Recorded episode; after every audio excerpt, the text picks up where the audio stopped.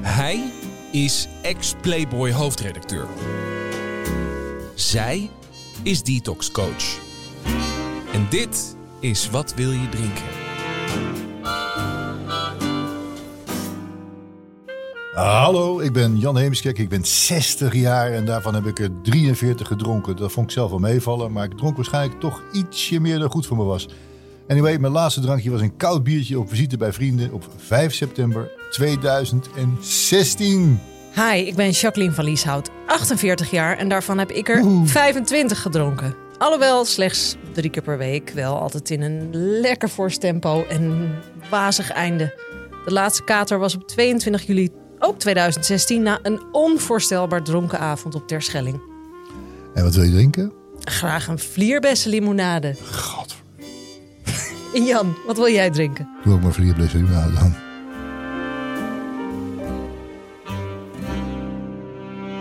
We hebben natuurlijk al vijf afleveringen gemaakt waarin we uitgebreid besproken hebben over hoe wij dan zijn gestopt met drinken. Eh, grandioze overwinning. En dus willen we nu graag wat verhalen van andere mensen horen ter inspiratie, Jacqueline. En vandaag hebben we een gast die al een tijdje hoog op ons lijstje staat door het geweldige werk wat hij doet. Onze gast van vandaag is dokter Nico van der Lely, kinderarts en initiator van de eerste Nederlandse polykliniek voor jeugd en alcohol. Hij doet er alles aan om Nederland en Europa duidelijk te maken dat we onze kinderen moeten beschermen tegen de gevaren van alcohol. Naast zijn, zijn werk in het ziekenhuis reist hij door het land voor voorlichtingsbijeenkomsten. En hij helpt gemeenten en andere partijen bij hun anti-alcoholprojecten. Wij zijn daarom ontzettend blij dat hij, weliswaar via Zoom, bij ons te gast is om over zijn werk te praten. Welkom Nico. Heel fijn dat je er bent. Eh, Nico, eh, ik was van het weekend bij carnaval. Daar, kom ik nooit, dus dat is 40 jaar geleden. En ik ben wel eh, behoorlijk geschrokken. Want als je daar om 11 uur binnenkomt bij je vrienden en staan ze al in te drinken. En de kinderen vanaf, eh, nou pak een beet, stuk jaar of 15 ook. eh moest er een beetje aan jou denken. Wat had jij daarvan gevonden? Nou, kijk, het is, het is van alle tijden zou men zeggen, zegt men, maar het is eigenlijk, neemt alleen maar toe. Dus niet zozeer het alcoholgebruik en dus niet zozeer de hoeveelheid, of wat je drinkt, of de locatie, bij welk feest zo je het nu over hebt, carnaval. Je in Noord-Holland gaat kijken, zijn het, eh, de, het, eh, de feesten, de dorpsfeesten. En in kermissen. Westland heb je daar de dorpsfeesten. Maar het begint op steeds jongere leeftijd. Daarom ben ik als kinderarts me een beetje tegenaan gaan bemoeien. Want het is zo dat als je elk jaar, wij spreken onder de leeftijd van 16 start met drinken, heb je 4 tot 6 meer kans op veel gebruik later in het leven. Wat ik mij wil zeggen, dat in het businessmodel is dat op onze jeugd afkomt en het gaat alleen maar over geld, om geld te verdienen. En daarbij wordt een soort peer pressure geïndiceerd, zoals ze in Engeland noemen. Dat, eh, dat je hoort er niet bij als je niet drinkt. Ja, weet je, dat is, eh, en er staan mixtips op de flessen en eh, er wordt alles aan gedaan eh, om de jeugd aan het drinken te krijgen. En of nou carnaval één feest is, eh, is er nooit voor bedoeld. Maar elke regio van, de land, van het land hebben ze weer iets anders. Eh, maar het eind van het verhaal is dat wij als kinderartsen, we hebben nog die 2200 kinderartsen in Nederland, steeds meer kinderen alcoholvergiftiging zagen. Ja, Alcoholvergiftiging. En dat is, de- en dat is dus het, het resultaat van één keer hard zuipen, zeg maar. Nee hoor, kijk, nee, dat is heel divers. Kijk, als je jonger bent, voel je de alcohol niet aankomen. Dus de jongste die ik heb gehad, is een jongetje van tien, geloof ik, uit. Katwijk. Ja, weet je, die gelooft nog in Sinterklaas. Als je al twee bier drinkt, valt je al om.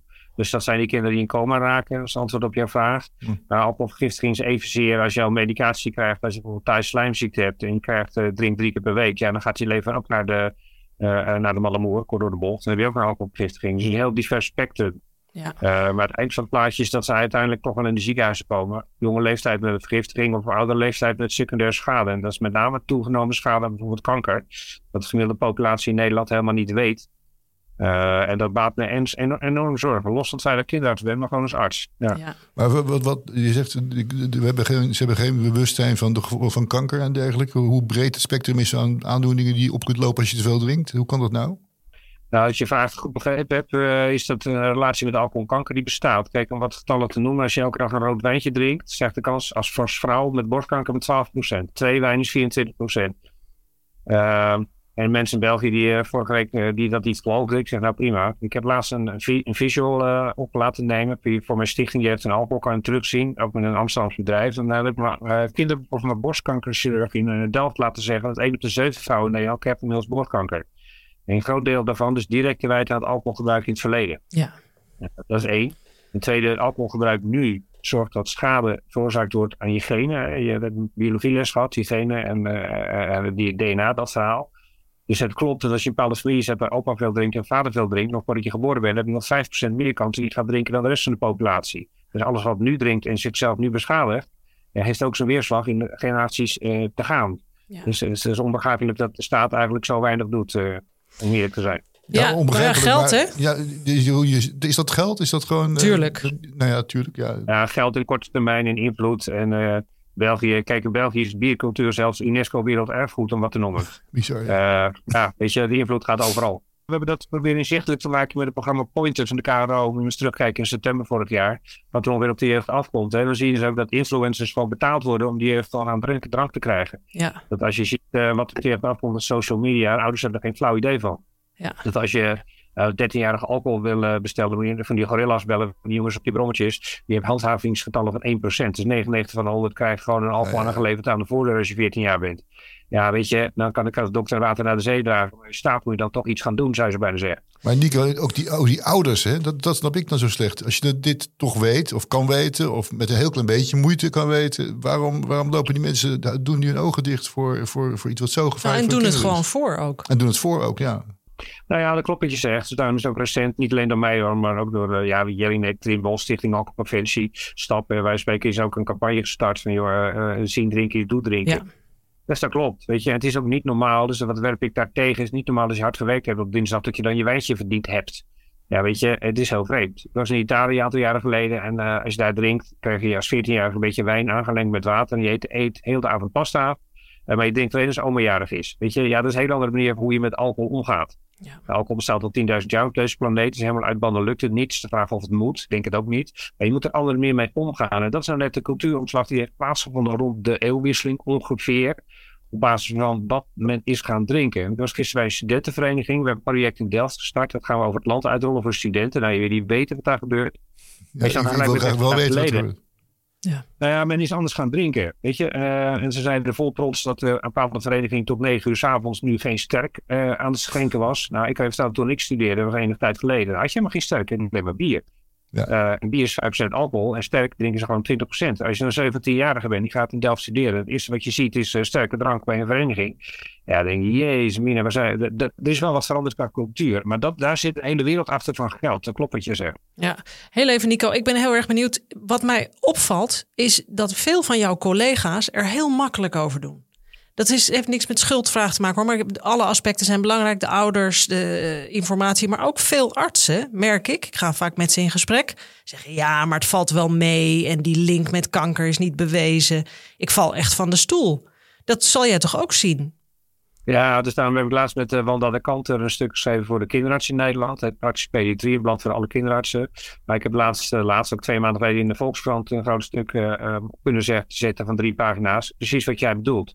Ik vind dat uh, hele ten dagen, uh, ik doe me dat best bij de studie uh, of de voorlichting bij de colleges bij medische studenten. Om precies dat nou te, ja, voor het voetlicht te brengen. Ik vind dat veel meer mensen, neurologen, internisten, mensen die al jarenlang 18 plus figuren zien met alcoholvergiftiging op de eerste hulp, te weinig uit zijn schuld treden. Te weinig als dokter een rol ja. pakken buiten het ziekenhuis. En dat is niet alleen over alcohol, maar ook over obesitas. Jullie weten wat het probleem van obesitas in Nederland aankomt. Met niet te behandelen uh, aantal diabetespatiënten over 10, 15 jaar. Bij kinderen ook, hè? Ja, bij kinderen. Maar ja, weet je, het enige wat dat werkt, hetzelfde geldt maar wel met, met, met de politiek. Ja, je moet die, die, die apparaten waar je marsrepen uh, uit scholen moet je halen. Weet je, dat is, werkt zo meer. Hetzelfde geldt voor alcohol. Maar je, je klopt wat je zegt. Ik vind, en de geneeskindustrie is na drie jaar nog niet weten hoe het nieuw werkt. Ja, ga wat anders doen. Maar je moet, je moet activistisch worden. Je moet de hort op. Ja, het man naar mijn hart, Jan. Hoor je ja, dat? Maar ook het, het, Fijn, toch het, het, het, wat, wat, nee, wat dus houdt nou, toch... Safati, het Safati Park, weet je wel, die man toen... Ja. Weet je, die heeft veel meer van Amsterdamse bewerkstelligd dan alleen maar een beetje in zijn kamertje een beetje, een beetje doktertje lopen te spelen. Hè. Hij heeft natuurlijk veel, veel gedaan voor, de, hè, voor Fresh Water, voor Amsterdamse jeugd en zulke dingen. En dat bedoel ik te zeggen nu, heden ten dagen. Maar de meeste uh, opleidingen zijn helemaal niet gestoeld op preventie. Helemaal niet. Dat vind ik jammer. Probeer ik ja. iets aan te doen. Ik ga weer over een half uur ga ik weer naar België, waar ik ook werk, één dag van de week. En daar, daar probeer ik het iets sneller op te zetten dan wat nooit in Nederland gelukt is. Ja. Maar het is, het is bijna een soort schroom is er vaak bij, bij, bij doktoren om daarover te beginnen. Wat, wat, wat is dat toch? Als je, het, als je het vaststelt van nou de, de, de, de, de toestand van deze persoon is zodanig dat het alleen maar door alcohol kan komen, moet je dat toch kunnen zeggen? Of is dat, waar, waar, zit, waar zit die schroom? Ja, dat weet ik niet. Het begint met kennis, het begint met hoe je zelf opgeleid bent, denk ik. Het begint uh, het land dat blind het één oog koning, uh, of je één oog open hebt. Er zijn een aantal factoren, denk ik. Dus je hebt een aantal initiatoren nodig waarvan ik er één vind dat ik zelf ben. Maar ja, de andere kant is voor het roken, zullen we Ja. zeggen, de, die, die, die, die dat moeten initiëren. Maar kijk naar het Nationaal Preventieakkoord waar ik aan participeer. Ik was de enige dokter die erin zit. Ja, nu zit een MDL-arts van het AMC ook in. Jarenlang de enige dokter, om even weer te geven dat in de wereld, je zegt, weinig eh, enthousiasme is. Maar ja, het wer- werkt zich ook wel het leplazers in het ziekenhuis hoor nu. Zo is het ook wel weer. Dus ik, eh, je moet een apart hout gesneden zijn om nog een keer daarnaast een aparte hobby te beoefenen zoals ik met mijn alcohol doe. Ja. Ja. Ja, dat snap ik. Dat, dat, dat was ook van tevoren nog afvroegen eigenlijk. Daar kwam niet helemaal achter. Drink je nou zelf af en toe nog wel of niet? Nou, een stuk minder dan vroeger. Ik drink wel eens, maar nogmaals, ik ben, eh als ik drink, drink ik een 0,0 product. Eh dat is overigens qua kwaliteit enorm toegenomen. Eh, dat is, je, dat, je ziet ook een positief effect ervan. Bijvoorbeeld een derde van de omzet in hectoliters bij de introductieweek van de studenten in Delft is inmiddels alcoholvrij. Ehm, Oh. Alleen weet je wat het is? Ook weer, hoorde ik gisteren van de studenten weer. De alcoholvrij is duurder dan, al, dan, eh, dan een biertje met alcohol. Ja, Ja. bizar toch ook weer. Ja. Dat, dat vind ik, dat- sowieso is dat vreselijk dat, dat, dat, die, die, die maatschappijen, die drankverkopers, die verdienen er gewoon nog dubbel op. Die, die, ook weer aan de alcoholvrij. Dat is toch ook wel ja, fantastisch. Die blijven maar geld verdienen, die mensen. Dat is toch... een- Ja, dat klopt. Ja, daar gaan we miljarden winsten en we weten nog niet de helft hoe dat allemaal loopt. En, eh, met de miljarden winsten wordt de invloed eh, gekocht. Eh, zowel in Nederland als in België. En dat is een, eh, ja, gaat maar door, het gaat maar door. Weet je, en ook de peer pressure, zoals iedereen noemt, dat is natuurlijk een gemaakt iets. Hè? Ik bedoel, eh, waarom ga je als 14-jarige atten, zoals dat heet, eh hou de top drie bij van wat men denkt op basis van de jeugd in de ziekenhuis terechtkomt. Nou, je ziet hele, hele trends. Hè? Een paar jaar geleden zag je Jägermeister. Waarom? Dat werd gratis uitgegeven door, eh, bij musicfestivals. Nou, dan zou je direct terug in de ziekenhuizen Ja. er iets aan proberen te doen. Nu zien we Liquid 43, ja, je moet het op zijn Spaans uitspreken, kan het niet. Ja, Oh, ja. Dus het wordt gewoon beïnvloed door mensen stropdas in een hoge gebouw. En weet je, het gaat over geld. Ja. Nou, want die, die preventietafels, dat waren, was dat niet ook allemaal met de industrie aan tafel? Nou ja, dat is natuurlijk ook vreemd, daarom is het ook geklapt deels. Eh, het is niet alleen maar negatief. Denk, ik. als je toch een meting wil maken, zou je toch op een gegeven moment die gasten moeten praten. En je moet ze recht in de ogen aankijken en je moet je doelen stellen. Kijk, volgens de WHO is het enige wat echt werkt, is de prijsstelling, directe verradigheid verminderen eh, in de omgeving van de kinderen en de, de, de advertisement, de reclame minderen. Dat zijn drie factoren waar echt aan gewerkt moet worden. Nou, als je dan volgens uh, na de twee jaar vergaderen bij Nationaal Preventiecourt blijkt dat de VVD de blurring wil toestaan, hè, dat je je wijntje bij de kapper kan drinken. Ja. Ja, luister, je hebt nu 6000 uitgiftepunten waar je een bruin brood kan kopen. Uh, je hebt de 60.000 uitgiftepunten nu, heden ten dagen, waar je een alcohol kan komen. En als je blurring toestaat, zoals het heet, heb je 120.000 uitgiftepunten. Ja, dan hou ik als dokter op, want dat heeft dus helemaal geen zin. Het Ja. is all over de plek, alcohol. Ja. En het is dus onder het hoesje van, ja, dan kunnen de gemeentes hun centra beter uh, activistischer maken voor de mensen. Die, ja, hou op. Het is gewoon uh, fout, foute kant. Maar wat ik wilde zeggen, je gaat heel veel mensen uit het veld, zoals ik er één van ben, bijeenroepen om te kijken hoe je aan het probleem uh, uh, iets doet. Of was dat twee jaar vergaderen, dan ga je blurring toestaan. Omdat de VVD dat belangrijk vond in de vorming van het kabinet.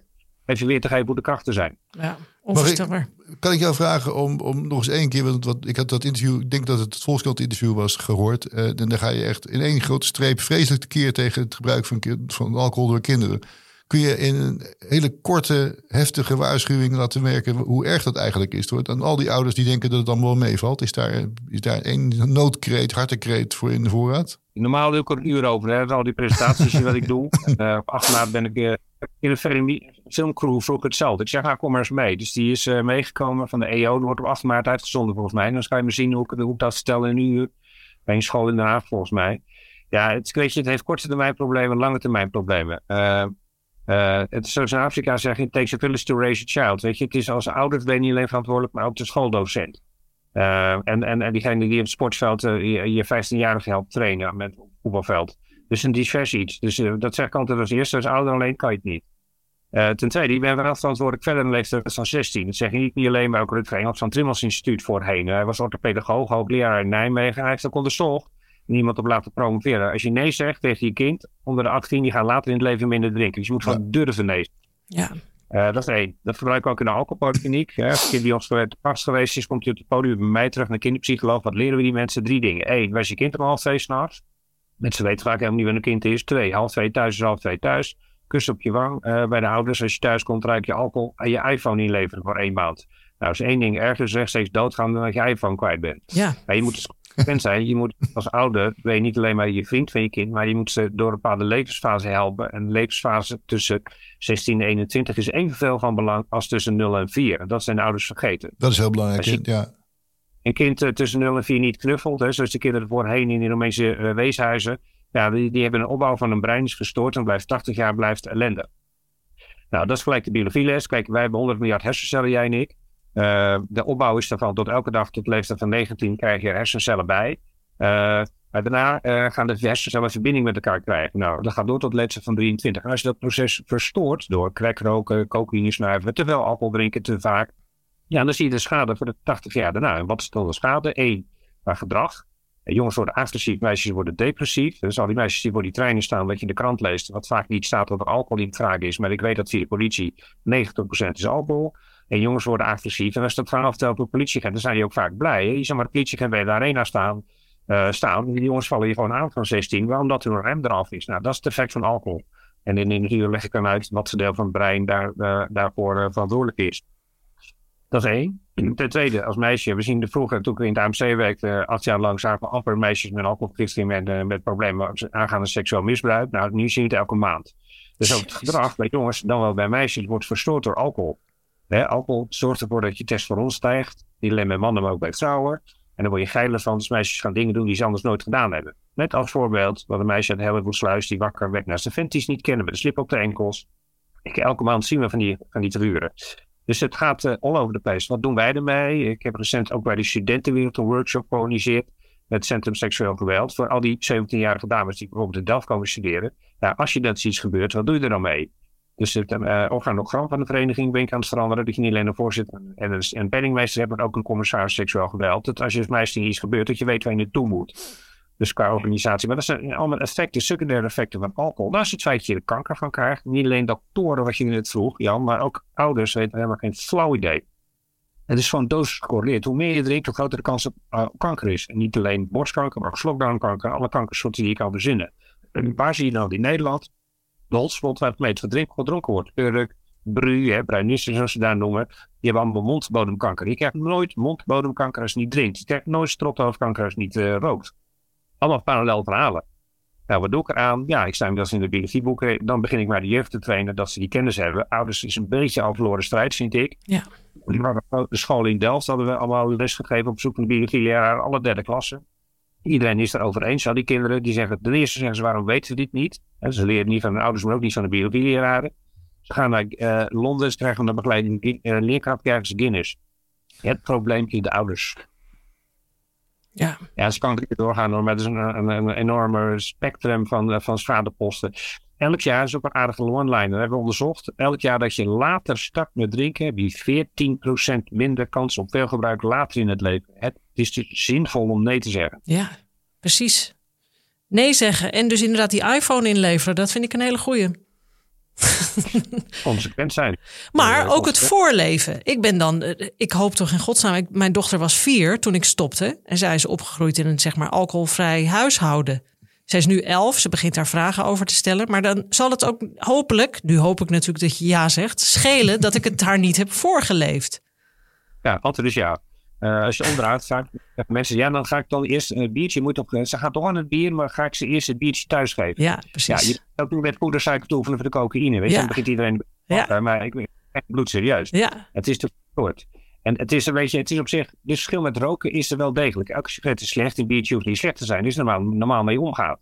Weet je, en ook grote studies uit, uit om mijn vak geneeskunde blijkt dat als je meer dan één biertje per dag al drinkt, dan wel vijf per week, is het al schadelijk. Weet je, en dat mensen begrijpen het helemaal niet. Nee. En, uh, maar goed, weet je, en daarvoor, als je ziet dat de investering is vanuit de staat voor mensen zoals ik die aan de preventie doen, dat is, is vreselijk. Ja. Als je ziet naar de curatieve zorg gaat, als je helemaal kanker hebt, dan, dan krijg je alle hele dure medicatie uit Amerika wordt ingevlogen. Maar je kan beter zorgen dat ze geen kanker Dat ze het niet krijgen. krijgen, ja. In, in geïnvesteerd in types zoals ik. Maar goed, Nou, eh, alcohol is een verslaving. Dat kunnen we ook wel even zeggen. Hoe, hoe kom je daar dan af? Want het- Zeg, hè? die, die mensen doen het niet, niet expres natuurlijk. Die ouders die drinken zelf ook. Die zijn ook machteloos tegen hun eigen verslaving, toch? Ja, nou ja, dit is de- die generatie denken dat ze machteloos zijn, maar daar begrijp ik nooit iets van. Kijk, eh, in die, tussen 14 en 16, 17 heb je, heb je een fase wat volgens kinderpsycholoog heet de puberparadox. Je weet dat het niet goed is, toch, toch doe je het. Ja. Nou, dat alle tijden, er is niks mis mee, anders verandert hier in een samenleving nooit iets, zeg ik altijd maar. Dus de jeugd moet inderdaad anders doen dan, eh, dan wij. Alleen ze hebben kennis nodig. Ja, en dat leren ze dus niet op school. Ik bedoel, als ik klaar ben met de alcohol, ga ik iets aan de scholen doen. Ik vind het echt een Neandertalers vorm van lesgeving. Ik, ik beledig mensen misschien, maar ze Dat leren niet wat leren. Ze, leren. ze weten dat ze geen huis hebben, dat ze geen pensioen hebben. En zulke soort zaken. Ze weten geen eens wat een hypotheek is. En ze moeten dan wel Franse les blijven volgen of Latijn of Grieks om nog erger te zijn. het is vreselijk. Geef die kinderen les en zorg dat, dat ze weten wat is. En dat is ook al 99% van de reactie. Maar de alcoholpolies Waarom weten we dit niet? Zeggen ze allemaal. Ze zijn allemaal boos. Ook op mijn ouders. Ja, precies. Inderdaad. Wat ik ook nog aan je wil vragen. Want ik hoor jou net zeggen. Als je er maar normaal mee omgaat. Voor mijn gevoel is dat ook heel erg een groot probleem. Want wat is dan normaal? Dat is voor iedereen zo anders. En dat vinden mensen natuurlijk ook heerlijk. Hè? Daarom bevecht ik ook altijd tegen het woord alcoholist. Omdat namelijk eh, het hele land kan zeggen. Ja, ik ben geen alcoholist. Want de buurman die drinkt pas veel. Bij mij valt het mee. Snap je? Nou ja, kijk, ja, maar ja, dat begrijp ik ook wel, maar dat is cultureel gebeuren. Er stond in National Geographic en dat gele blad wat je kent, stond tien jaar, of nou, vijf jaar geleden van blad. Tienduizend jaar geleden had je ook alcohol op elke cultuur in deze planeet. Dus je begint er vaak mee, uh, ligt aan hoe je ermee omgaat. Als je kijkt naar Delft, de stad waar de kinderen af ben in de jaren 1600, had je 400 brouwerijen. Maar het bier had toen 2% alcohol. Dan kon je beter bier drinken dan uit de grachten. Dan wist je zeker dat je dood ging. Dus dat is, het is allemaal relatief.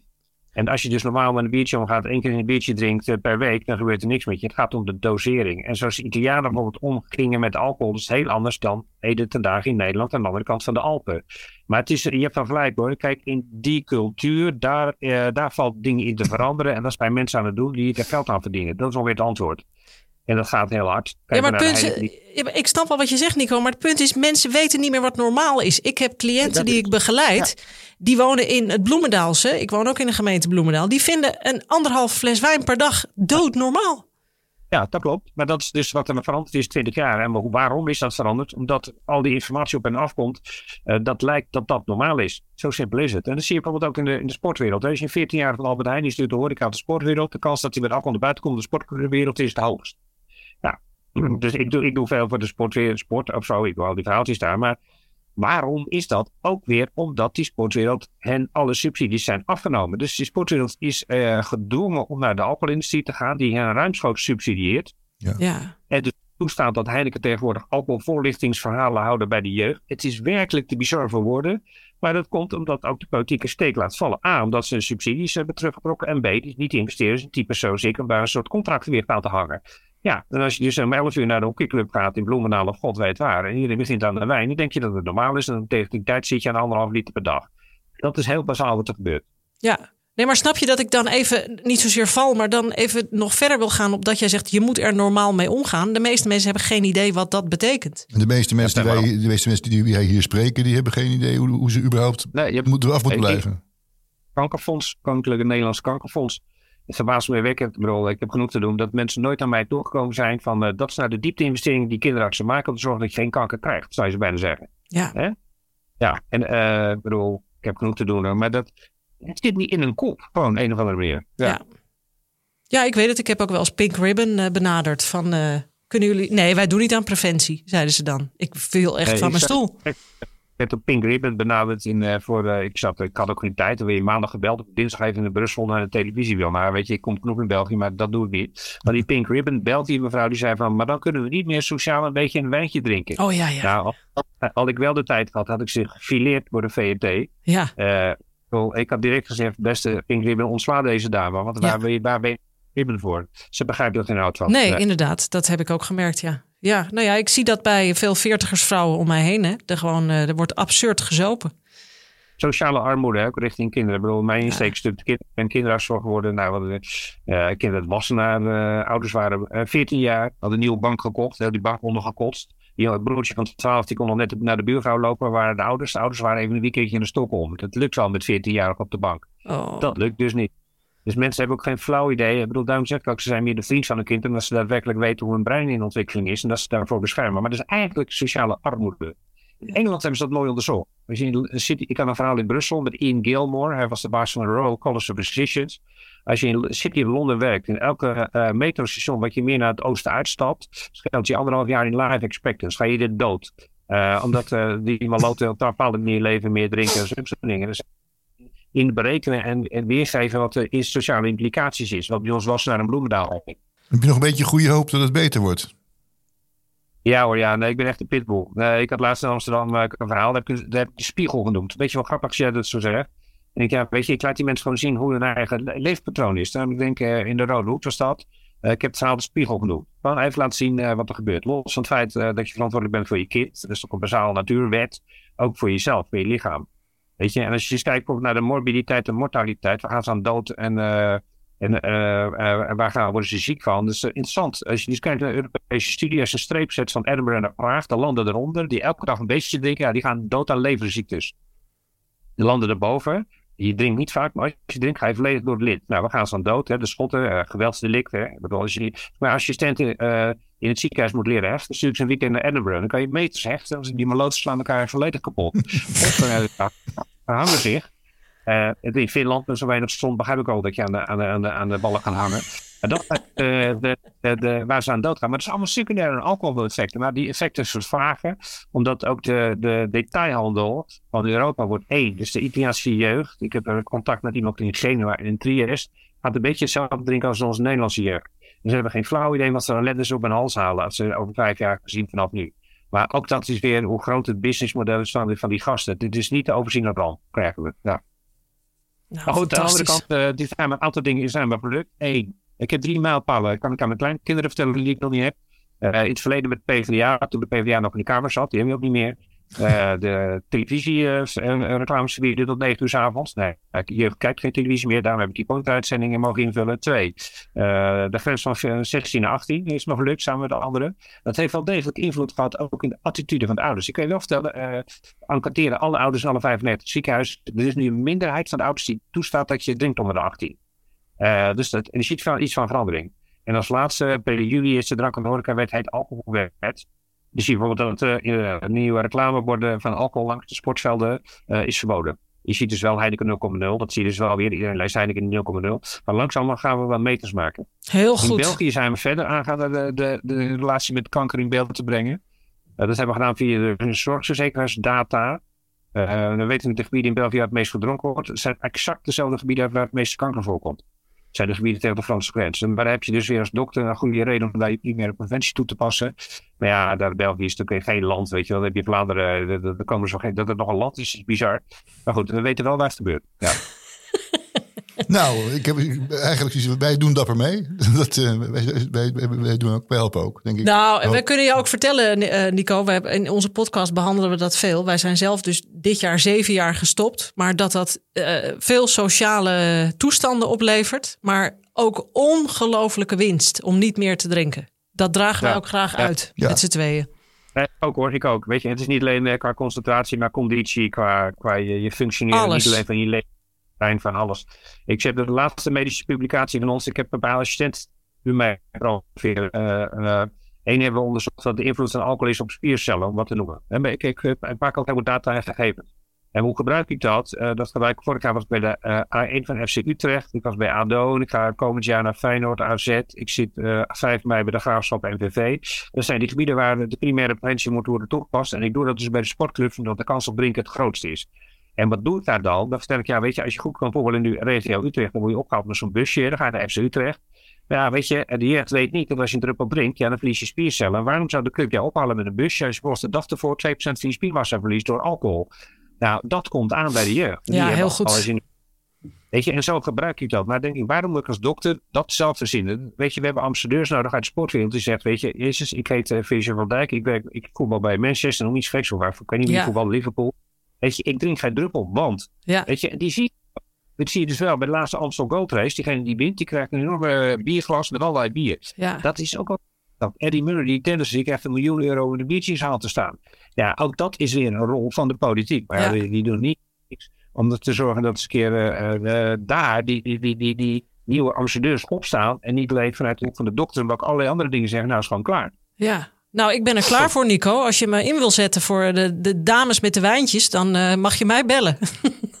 nou, ja, je doet je best waarschijnlijk in jouw wereld, wat ik jou hoor zeggen. Dus heel ja. goed. Maar er zijn dit allemaal doen. Het kwartje gaat wel vallen als de Frankrijk dat in België.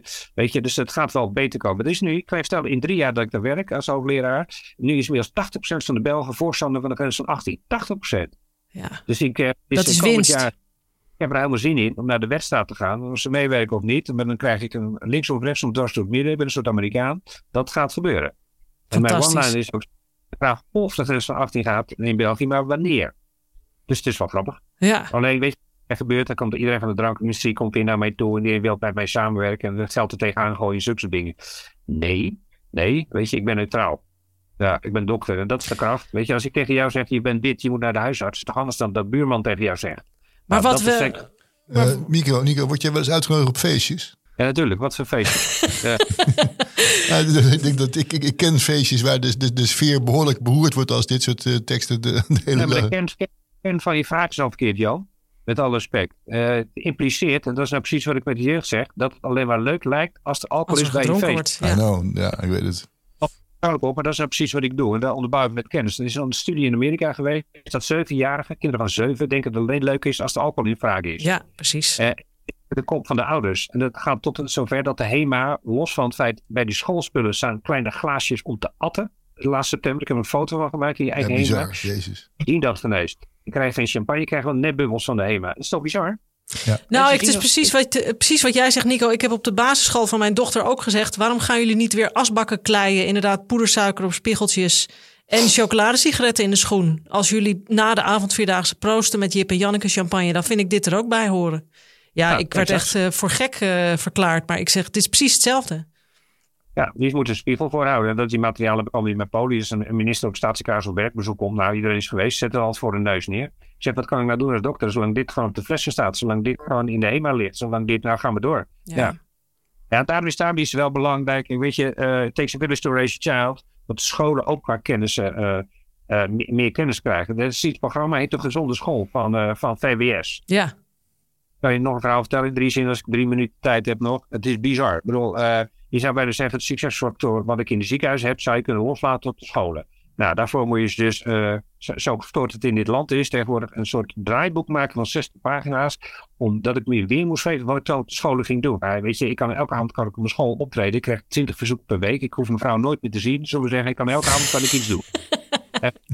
Eh, zo groot is het. Ah, dan zou je zeggen, hè, faciliteer mijn stichting, zodat, zodat ik en mijn assistenten gewoon de scholen van kennis kunnen voorzien. Nee, maar dan moet je voldoen aan een aantal criteria. Die zijn opgesteld door mensen in de RIVM, die voor, voorheen politici zijn. Die zelf die malotige dingen voorzien om te zorgen dat de gezonde school de gezonde school heet. En dat werkt helemaal niet. Nee. Kijk, in het begin van het verhaal, waarom zijn er weinig dokters die er zich tegenaan bemoeien? Ja, als die mensen allemaal faciliteert. En dat heb ik dus ook in de Volkskrant genoemd aangaande de bariatrische chirurgie. Al die jongens die die dikke mensen opereren en maagverkleining toepassen. Ja, als al die jongens één dag in de week gewoon naar de scholen zouden gaan. Van, joh, ik ben een bariatrische chirurg, maar ik zie je, als ik de school binnenkom, een apparaat alleen maar marsrepen. Waar zijn die in godsnaam mee bezig? Dat werkt zo weer. Nou, als ik minister ben, zou ik dat als eerste faciliteren. Een type zoals ik en die bariatrische chirurgen de ruimte voor krijgen, ingebouwd wordt. En dan gaat het heel snel. Er waren wel een paar keer het geld. Het geld. Ja, en ingebakken in de cultuur. Nee, cultuur is gemaakt. Dat, is, eh, dat, dat dacht ik vroeger ook dat er een cultuur was. Er bestaat geen cultuur, maar cultuur is gemaakt. Maar dan is het primaire antwoord dus geld. Ja, geld en invloed en dat is ook zo'n zaak. Ja. Ja. Er wordt ook wel eens geroepen door eh, mensen om mij heen van ja, maar als je kinderen niet laat drinken, dan gaan ze naar de drugs grijpen. Ik vind dat een heel raar iets. Ik was even benieuwd Ja, hoe, hoe jij daarop reageert op zoiets. Eh, we zien dat niet. We hebben elk kind wat in die Nederlandse ziekenhuis binnenkomt, nemen we urine af als ze in coma zijn. Nou, ze zijn toch in coma en ik wil weten of er sprake is van gecombineerd middelengebruik. Eén, reflecteert het gedachtegoed van de ouders wat je nu vraagt. Ouders denken, het kan niet zo zijn dat dat de invloed van alcohol is. Ja, het is de invloed van Ja. puur van alcohol. Zie je wel. Ja. Is dat namelijk.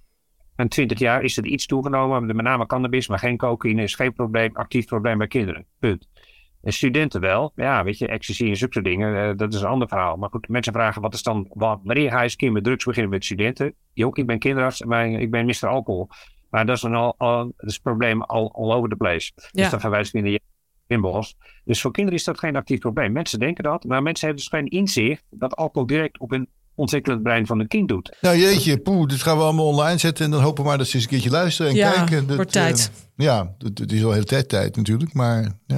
Het is al heel lang. Nou, weet je, en ook met, met jullie ook, met, eh, ik doe veel podcasts, met, het begint natuurlijk met kennis, weet je, op scholen, bij, bij ouders en zulke soort dingen. Mensen gemiddeld hebben gelukkig nog in Nederland een IQ boven de 100, maar ze moeten kennis en besluiten maken. En Ja. het begint met kennis.